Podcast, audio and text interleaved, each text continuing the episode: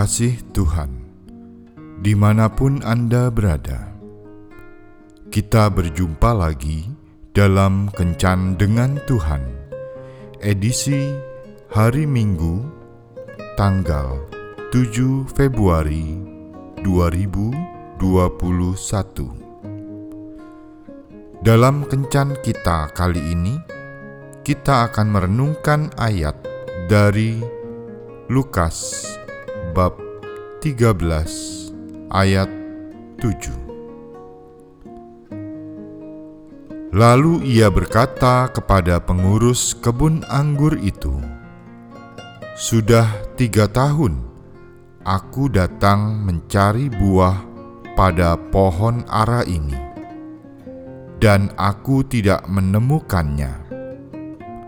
Tebanglah pohon ini." Untuk apa ia hidup di tanah ini dengan percuma?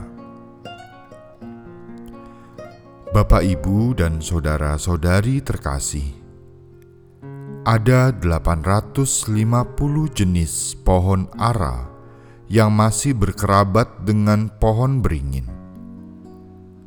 Pohon ara adalah pohon yang rindang dan tingginya sekitar 3 sampai 10 meter dengan daun yang lebar dan buah yang banyak. Pohon dan buah ara cukup penting bagi kehidupan orang Israel. Pohon ara pertama kali disinggung dalam Kejadian bab 3 ayat 7. Ketika Adam dan Hawa menyemat daun pohon ara dan membuat cawat. Buah ara sudah menjadi makanan penting bagi orang-orang Timur Tengah selama ribuan tahun. Buah yang mengandung kadar gula yang tinggi ini, selain dapat dimakan sebagai buah segar, juga dapat diawetkan dengan cara dikeringkan dan juga dibuat kue. Pohon ara berbuah lebih lebat dibandingkan dengan pohon-pohon buah-buahan yang lain. Pohon ini juga mampu berbuah pada segala musim. Ia berbuah selama 10 bulan atau hampir setahun penuh. Kadang-kadang buahnya lebih dulu muncul daripada daunnya. Sungguh luar biasa. Yesus menceritakan sebuah perumpamaan mengenai seseorang yang memiliki pohon ara yang tumbuh di kebun anggurnya.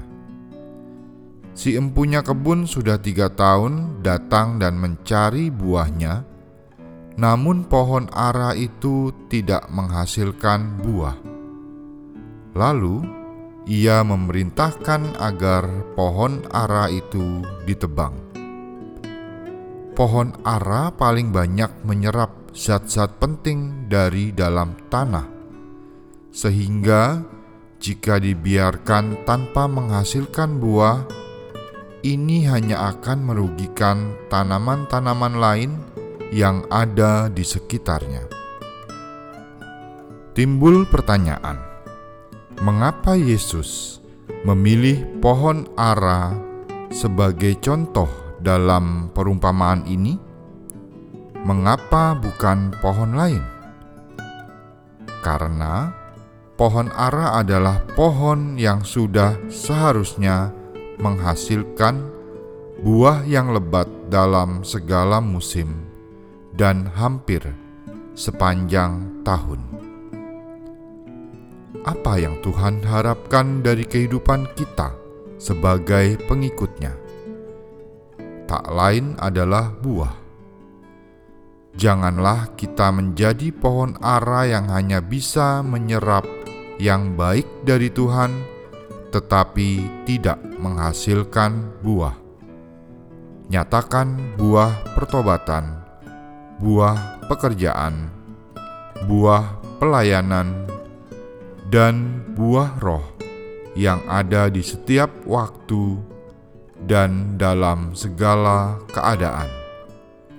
baik ketika berada dalam kekurangan atau kelimpahan, sakit atau sehat, susah atau senang, tetaplah hasilkan buah yang lebat dan manis, sebagaimana pohon ara tetap berbuah di segala musim.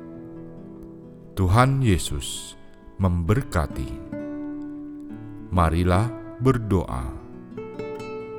Tuhan Yesus, berkatilah dan mampukanlah aku untuk menghasilkan buah kebaikan yang tetap dalam segala keadaan. Amin.